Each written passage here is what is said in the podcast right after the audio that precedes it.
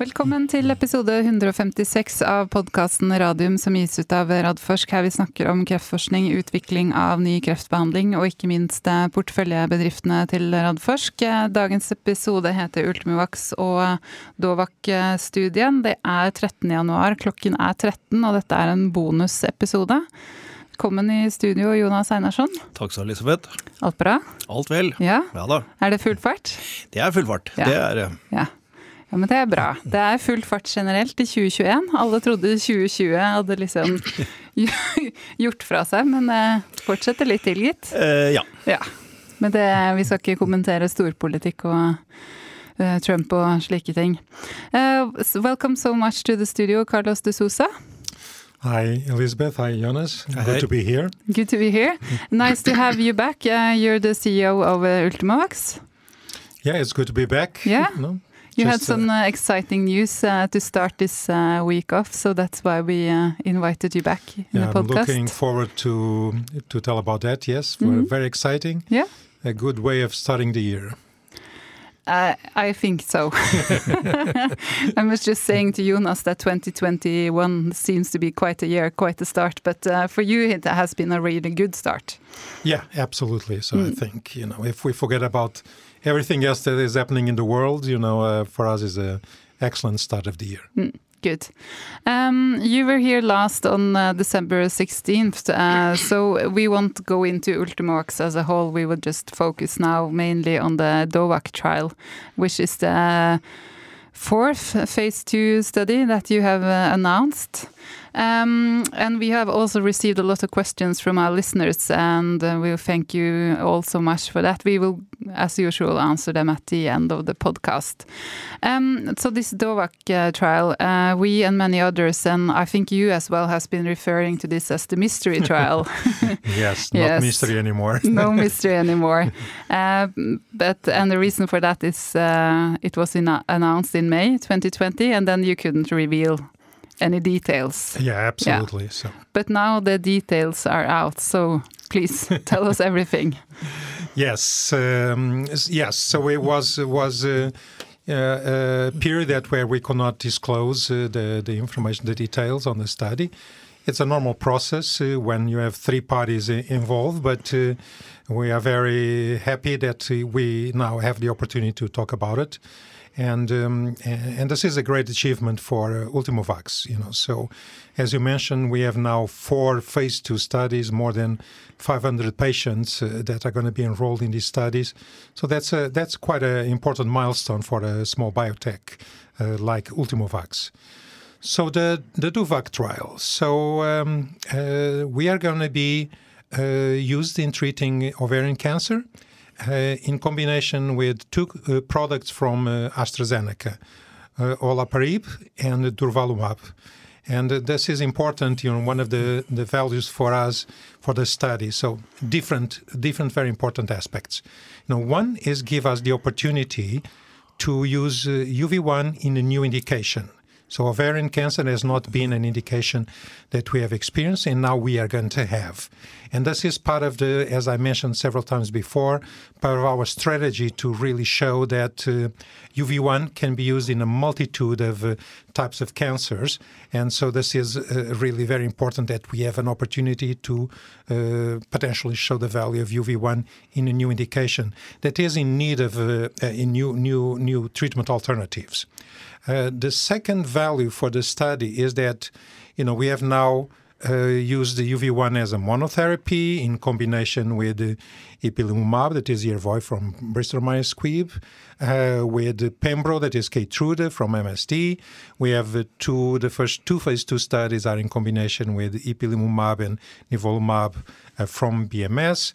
And now we have two new compounds that so far have not, we have not used the UV1 in combination. So um, uh, durvalumab is is also the part of the checkpoint inhibitors, uh, but is a different one, is an anti-PD-L1. And uh, olaparib is a totally different class, the PARP inhibitors. And, and so this is again um, part of this objective of showing uh, our universal usage that we can be combined with different classes of drugs. Um, you know, additional very important value for the study is the group that we is going to run the study. So the NSGO and ENGOT, the Nordic Society of Gynecological Oncology, the clinical trials unit that is part of this bigger European organization, ENGOT is is really as uh, people that had the opportunity to listen to our webcast and listen to the to the small uh, message from the lead investigator. ENGOT is the top uh, organization in Europe for clinical trials in gynecological cancer. So, um, and the lead investigator is not only the the, the um, leader of the NSGO, but is also the president of ENGOT. So we have the value that it's a, it's the top organization in Europe uh, of centers running gynecological oncology studies, but the fact also that the lead investigator is, is at the top of these organizations. And the value of the trials are not only, you know, when you run the studies, but also after we have the results in making sure that we uh, spread the message to the medical community. And of course, the more relevant are the, the, the specialists, the, the, the, the bigger the, the audience. Hmm. So, you know, this could already be enough. But of course, another big value for this uh, study is that uh, we have a collaboration with AstraZeneca. So again, uh, AstraZeneca is going to supply their compounds. Um, and the reason why this is always a, a, lengthy process to, to get to get to signing an agreement is, uh, you know, these uh, large organizations uh, are much more selective in terms of uh, uh, these type of collaborations, in terms of supplying the drugs. Here, the you know the fact that we also have two different uh, compounds. This means two different teams. So it's a, it's a very extensive process of these teams and the organization in AstraZeneca reviewing our science, our data, and after this uh, lengthy process, they they really found that will be uh, interest, uh, medical interest of uh, combining UV1 uh, with the two compounds and and looking to to make a difference and bringing an additional benefit to these patients. So when you put all these four benefits, new indication, new combination with new classes, the fact of the top class of um, uh, oncology investigators that are going to be involved, and the fact that we have a collaboration with our second large pharma, uh, we have the, uh, the the other one with the BMS, um, you know, is shows really the the value of uh, of the DOVACC study. And of course, you know, ultimately, uh, what we want to achieve, really, the goal is that uh, when we run this study, we're going to have the data that will support the use of UV1 in in this indication. Hmm. Great. Uh, Jonas, you are still uh, chair of the board of uh, Ultimovax. Uh, yeah, I have, well, I, I have, the pleasure of serving there with, with Carlos. Yes, absolutely. What's what's your comment now that the mystery is out? Well, it's of course relief that we finally could come out with, with, with this, and and as you see, there is a long history in this. We announced it in May that we were going to do it, and of course there had been a lot of talks both with uh, Nasur and, and with AstraZeneca before that. Uh, and the reason why we announced it is because we don't get into these kind of collaborations or sign any agreements that say we are going to do a clinical trial before we have the financing in place. Uh, so that's why we had to announce it in May and raise the money to do this trial, hmm. and then we could fulfill uh, all all these uh, agreements and and, uh, and, and do all this work. And I must uh, say that Jens Bjørheim, the CMO in in uh, in uh, Ultimovacs, has done a fantastic job getting all this uh, together together with with with Carlos. So I think this is a big achievement, and as Carlos said, this is this is not big pharma just do when you ask them. They really have to see the need. And the, these drugs are on the market so that they actually have to, uh, instead of getting paid for these patients, they, they don't get paid. So that's actually a lot of money they put in there too, not only the drug. So um, I think it's a great achievement for Utmox, yeah. Mm.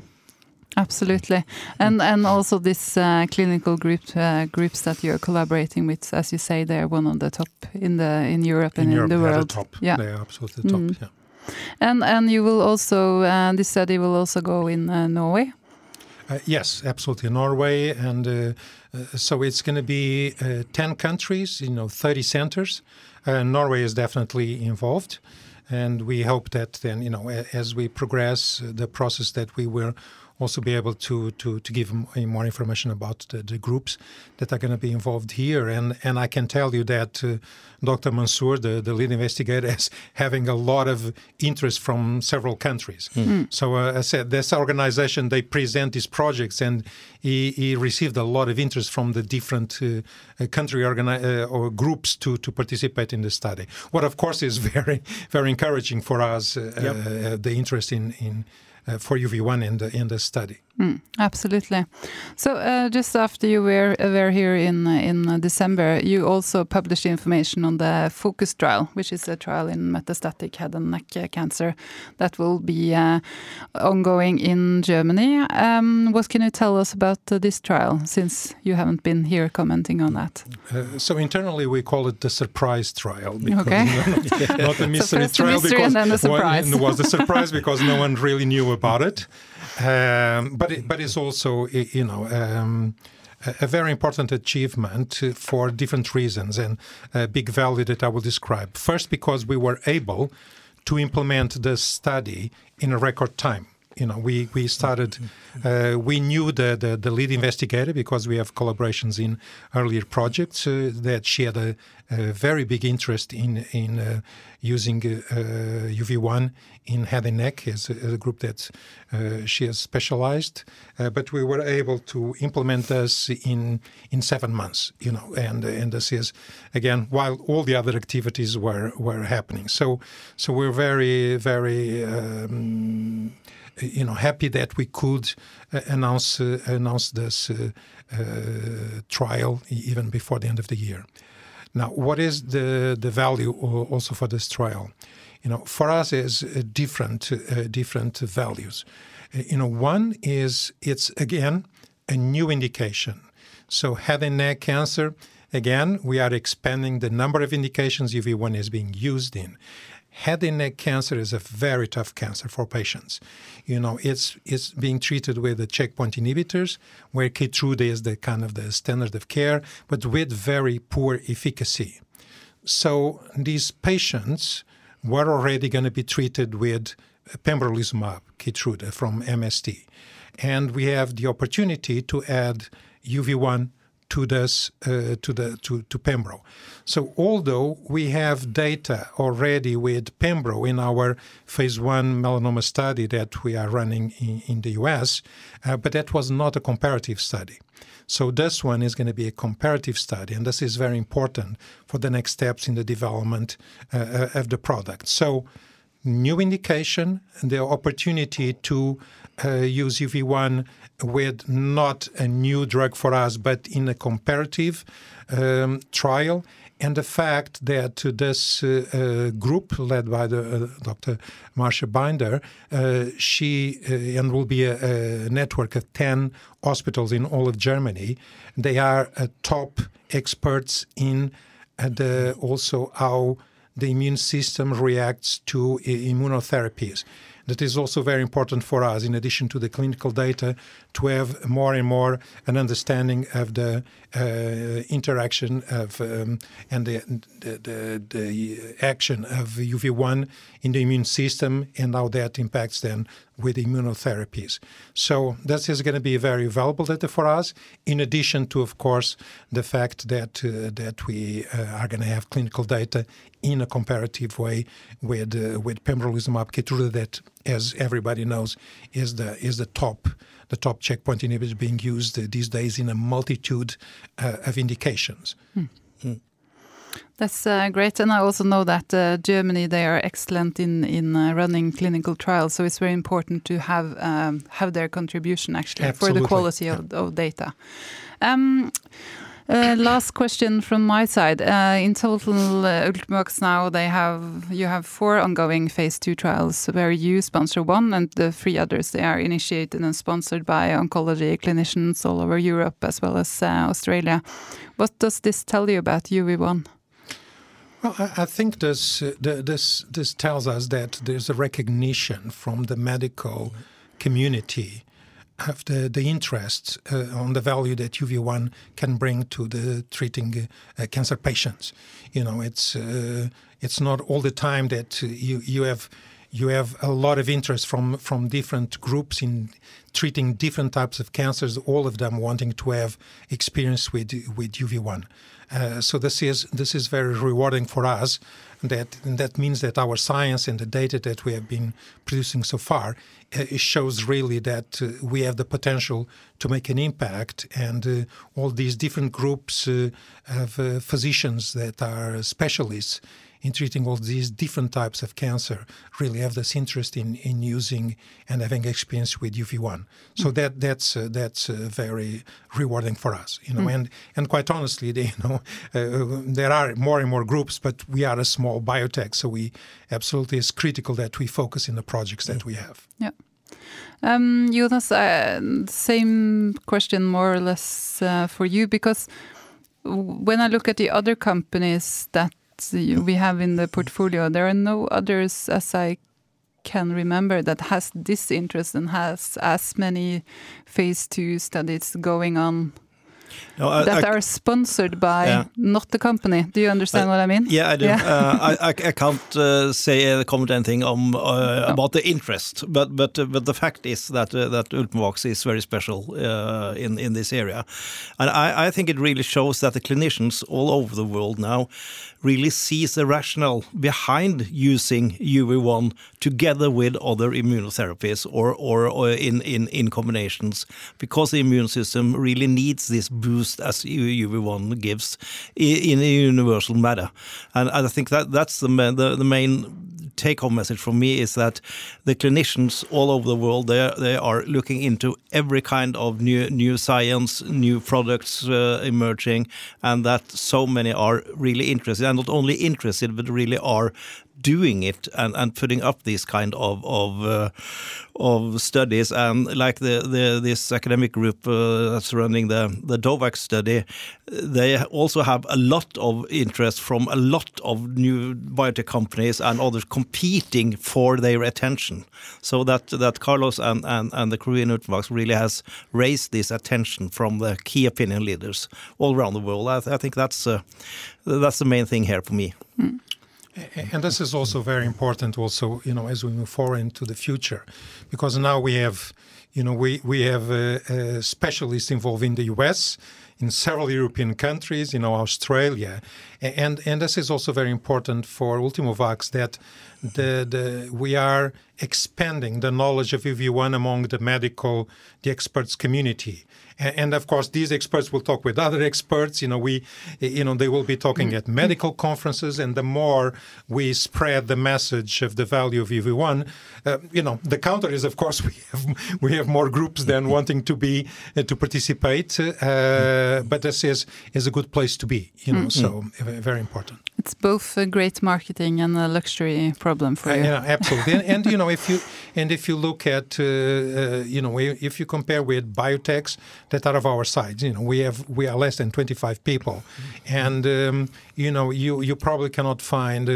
uh biotechs of our size uh, that are running for phase two clinical trials with more than 500 patients. And, and I'm not talking about Norway. I'm talking about mm. uh, Europe. That's true. You know, and even further than that. You know. Mm. So and we, and we looked because you know, and this is this is a stretch, but it's a, but it's also a, a big value for uh, for the company, and of course, when I talk the company to the patients and our shareholders. You know. Mm. Good. Um, we received a lot of questions from our listeners, uh, as I said, so I think we'll just uh, go over to that. Uh, first one is Why do you expect it to take approximately six months for the first patient to be enrolled in the DOVACC and FOCUS trials? As a layperson, it would seem that after the clinical trial groups has signed the documents, they can start screening at once. Can you elaborate on the clinical trial preparation process from first working out the protocol up to, until the first patient first visit? Yes, I wish that would be that simple, uh, but it's not. You know, and when we we didn't say that was uh, that will take six months. We say that will be, you know, during the first half of the year. You know, and why is that? Uh, you know, now now that we have the agreement, the the lead investigator needs that you know, together with the protocol that was agreed by the companies, uh, and and what we call electronic CRF, or is the the case report form. All these documents now he is needs to submit to health authorities, and normally he starts you know in in one country uh, for these health authorities to basically approve the study and the protocol and this takes you know a time for them to review and they may have questions. So you have a little bit of back and forth. So and this is important that you start in one country one or two uh, before expanding to the other ones. Then after you uh, the investigator receives the approval from the health authority saying that yes they are okay with the, with the protocol then uh, then you need to submit the protocol, the case report form, all the documentation to the different ethical committees of the all the hospitals that are going to participate. So then they will uh, meet, uh, review it, come back, and then have questions. And basically, you know, although you may have patients that could participate in these studies, you cannot you know uh, you cannot have patients waiting for treatment because you don't know uh, when this is going to be approved. And you cannot start enrolling patients until you get the, the, all the study approved by the local health authorities and by the ethical committees of all the hospitals. So this is why it takes uh, some time. Of course, is in the, everybody's interest, and a lot of interest. You know, is very very proactive, Dr. Mansoor, uh, to to start this as soon as possible. And as soon as you get the first country going, then then you can start going to the other ones because of course you don't want you don't want to go to all the countries at the same time. You want to make sure that you get feedback from the authorities so that when you go to the next countries you already have that. Mm. So and and this is uh, you know so the full study DOVACC is is you know is uh, includes different countries, so many more hospitals. So it's a, a, little bit of a longer process, but for the first patient is is the same timelines. In, in for the focus study is in Germany, so basically it needs to go to the German uh, health authorities, then the, the ethical committees in the 10 hospitals, basically the, the same. And that's why, you know, we prefer to say, yes, this is the normal period that it can, uh, that it requires to get through that. It may take less, but, uh, but we don't know. Hmm. Good. Uh, second question. Why are the regulatory authorities allowing Ultimovacs to go straight to phase two studies without doing phase one safety trials with the combinations? Um, you know, we already have um, we already have two uh, phase two studies that were approved uh, by uh, health authorities that are combinations with ipilimumab and nivolumab. You know, so so it's not like we don't we don't have already two studies weird combinations, uh, very well-known combinations that are not approved. You know, we also have uh, plenty of safety, plenty of safety data. Uh, but of course, you know, uh, particularly on the DOVACC study, we, we need to see if there is any feedback from the health authorities. But it's we already it's important in this process uh, that they know that we already have several studies, several patients treated in the phase one uh, that we have, uh, uh, you know, in combinations with Ipi and Pembro, and that we have two studies running already and enrolling patients in combination with Ipi Nivo. Mm. So, so that helps in all that assessment from from the regulatory authorities. Mm. Good. Uh, third question How much progress are you making on the patent side regarding prolonging the protection of the vaccine in combination with other immunotherapies? Um, I think this is a, a, very interesting question, you know, and mm. and you know I see there's a lot of uh, a lot of back and forth. You know, I think I think there is also a little bit some uh, misunderstanding in terms of how we protect the commercial value of our products. Um, we plan we plan to do um, uh, include this as a topic that we will gonna cover during the, our next quarterly report because I think you know requires more time than, than what we want to spend here. But we I think people need to understand that you know uh, protection is done is achieved by different uh, ways. You know the basic patents then you have additional patents on the use of the, the product uh, in combinations, uh, patents on how to, to manufacture the product.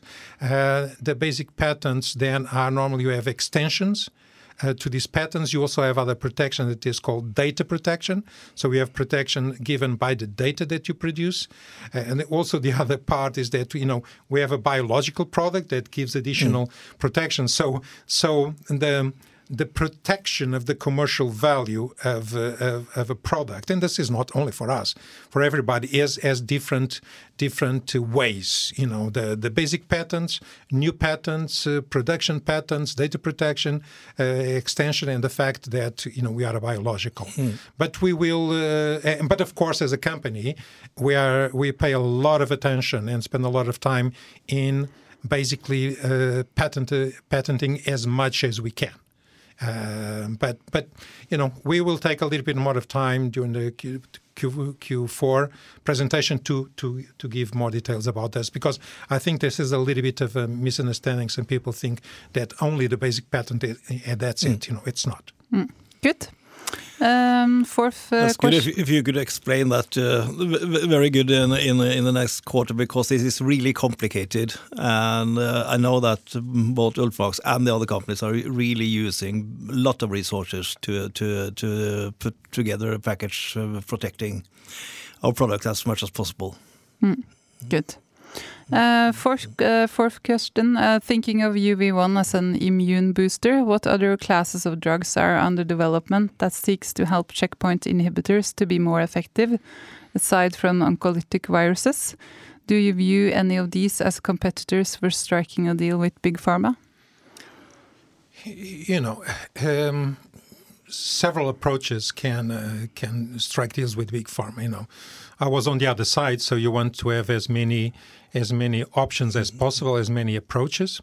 Uh, but if we talk about directly, you know, in, operating in our space, um, so the first thing is that you have these kind of a two big sides. You know, one side that are primers or boosters of the immune system, and the other side, you know, the ones that open the tumor, open up the tumor, or block the defenses. So those are always going to be uh, for us to combine with, and that's of course where big pharma is operating a lot. But even even in the the primers, the boosters, there are different uh, approaches, there are different stages of the immune uh, process, and there are classes of drugs that will also have a value for us to combine that are the ones that enhance the activity of the T cells. So you, you know we um, train the immune system and expand the number of T cells that are educated to recognize cells expressing telomerase. But then, uh, you know, and, and here, yes, we have the checkpoint inhibitors, we have other approaches and that I can talk. But then we also have other classes that are going to work in enhancing the activity of the T cells. And those are classes that are not going to be competing with us can also, of course, do deals with pharma, but in reality, there will be a value for for F combinations. So if we if we come back to the early stages, you, you know, of course, you know, there, there will be always different uh, uh, biotechs doing deals. You know, the, these will come at different stages. You know, um, uh, recently, you know, there was a big one with a preclinical big one. You know, so companies have different strategies. Um, of course you know the value of a deal is much higher the further in development you are because you know you have data and you de-risked the, the opportunity. So the value the value for us of doing a deal after phase two is much higher than doing a deal uh, when you are uh, starting phase one or in preclinical. Uh, but if we talk about other approaches um, you know I always say that as many options there are to treat patients, the better, because you know ultimately you know, we want to bring solutions to patients. And if you bring solutions, that you bring value. But a lot of the other approaches that are in operating in the same group as we are, they have different challenges. You know, they require intratumoral activity. The manufacturing process is quite complex. Um, you know, so they are not off the shelf like we do. They need to match uh, the patients to uh, and and uh, select before before they can treat. You know, we we we don't. So we think that we have a, a series of benefits when we when we compare with other approaches. The fact that you know, we, we can use in a multitude of, uh, of cancers. Um, we don't need the patients don't need to be selected beforehand. We can be used as an off-the-shelf product, and also, you know, we must forget a big benefit that is, uh, you know, a, a, simple process, a well-known process, standard process to manufacture the product mm. that is not expensive. And of course, you know, that has a huge value when we are talking more and more of. And now it's not even a double combinations are triple combinations. So, so um, and the safety that we already demonstrates, all these are big uh, and strong points to differentiate us for, from some of our competitors. And, and we keep a, a, an eye on what is happening. And uh, the ones that are more similar with our approach are, are way earlier in development. Mm. uh, does the big pharma companies have insight into the NIPU and DOVACC data sets before the readout in 2023? Um, no, the big pharmas don't have, and we don't have. And here is important for me to explain why. Hmm. So these are phase two studies. During phase one, these are open studies, non-comparative. We can be a little bit more generous in, in sharing mm -hmm. uh, the data as we go along. It's absolutely critical during a phase two study, there's a comparative study, and that uh, there's no exposure to the data until you get the results. So, because you know, if you do, you basically ruin the value of that study from a regulatory uh, perspective. So, uh, of course, as soon as the data is available, uh, both the two pharmas and us will have access to the data at the same time. You know, mm. but but we are not going to be uh, picking in, picking into the data as it goes along because that would uh, absolutely destroy the value. So when when the the, the study uh, finishes enrolling and we have the first analysis, then we all will have uh, mm. a view. Of course, there is sets of data that we, we are going to be exposed, you know, because it's mandatory as the safety data. So that, of course, we are going to be exposed. Mm. But that that is the normal part. But everything that's related to the endpoints in terms of efficacy, that is absolutely mandatory. That remains remains with the investigators and and mm. and uh, both uh, Ultimovacs and the pharmas uh, don't have access to it. Mm. And uh, Jens Bjørheim also got a question about this on on the webcast because I was asking if there was going to be any interim analysis. Yeah. And he answered that very well and said that if we we could have done that, but if we do it, we will weaken the data and and the statistic. So that's why we don't do it. Yeah, and mm. and we'll definitely extend the duration of the study. Yeah. So so it's it's it's very important that uh, we totally protect the data. Mm. Um, is it the case that uh, UV1 is primarily thought to be used together with checkpoint inhibitors, or is it also envisaged that UV1 can be combined with other forms of immunotherapy? I think you just touched upon that. I don't know yeah, if you. We, you know, I can just repeat. Yeah, you know, so the the objective is that you know um, we can be we want to be combined with different class of drugs. So we have even within the checkpoint inhibitors, you have the anti-CTLA-4s like ipilimumab you know, and then you have the checkpoint inhibitors, but anti-PD-1s. Now we also have a, a anti-PD-L1, and of course now we have a new class that is a PARP inhibitor. And the, our objective is to to expand that uh, multitude of different combinations. And why is that? Because we look at ourselves as being kind of the, the, the, baseline for treating these patients.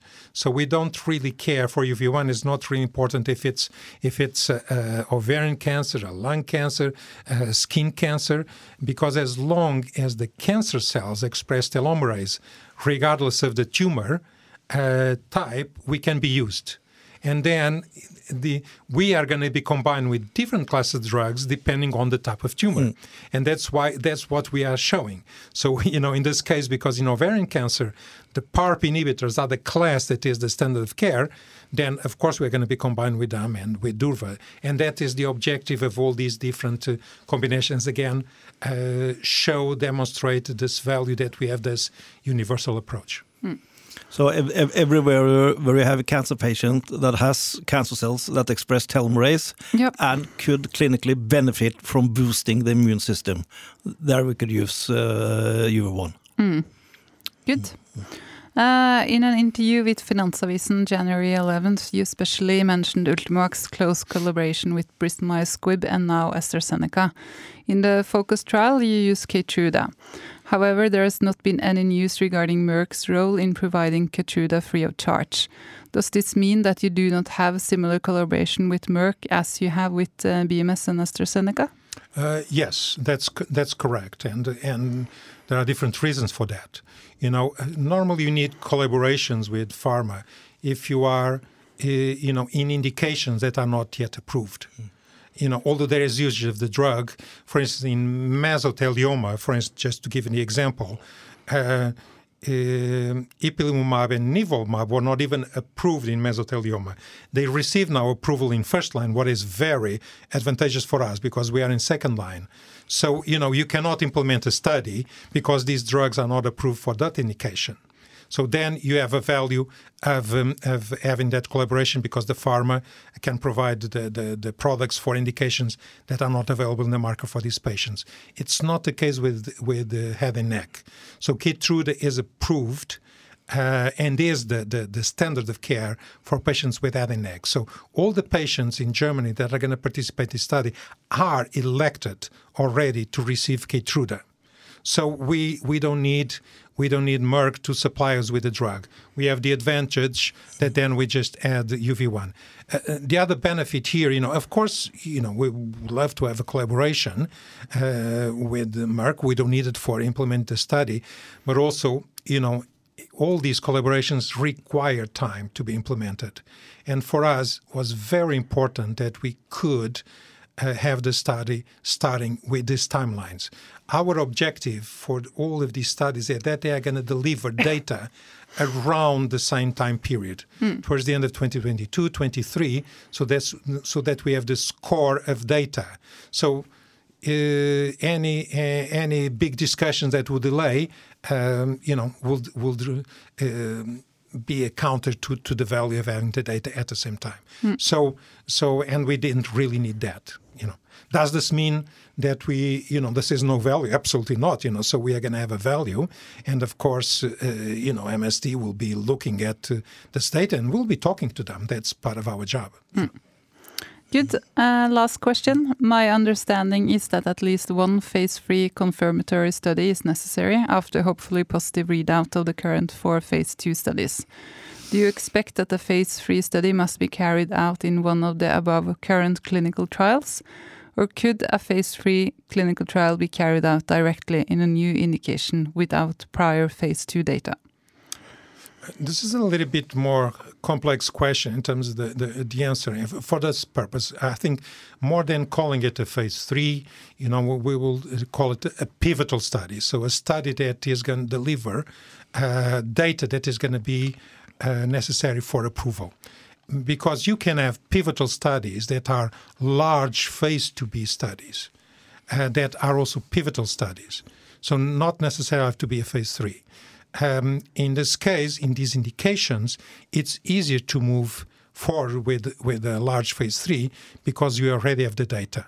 But you can initiate, you know, a pivotal study that is not a phase three in new indications, and and this is uh, the important part is that we have enough we, there is enough data with the product from a safety perspective, from data from different combinations that uh, you know allows to to move. For instance, you know if we if we have data in the focus trial in combination with Keytruda, uh, you know then it's easier.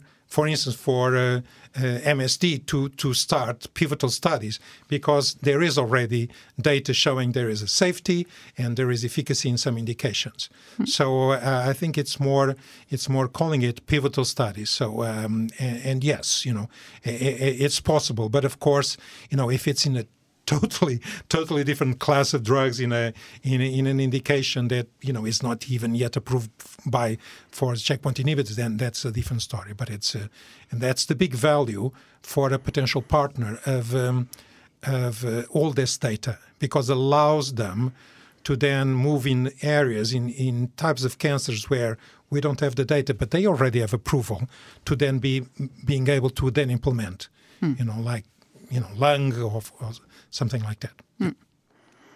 Good. I think that was all. Do you have any final remarks, Jonas? No, um, uh, no, no. We have to execute. I think that's uh, the the main thing. We have to show that we can recruit patients in uh, in all studies and and get to get get uh, everything up and running. And I believe that Carlos and his team is very capable of doing that. Mm. Good. Yes, absolutely, and I think that's the important part that. Uh, people, um, our shareholders and uh, the audience need to understand that, you know, uh, one of the big mistakes of uh, biotechs do is when they spread thin through different uh, uh, multiple projects and avenues.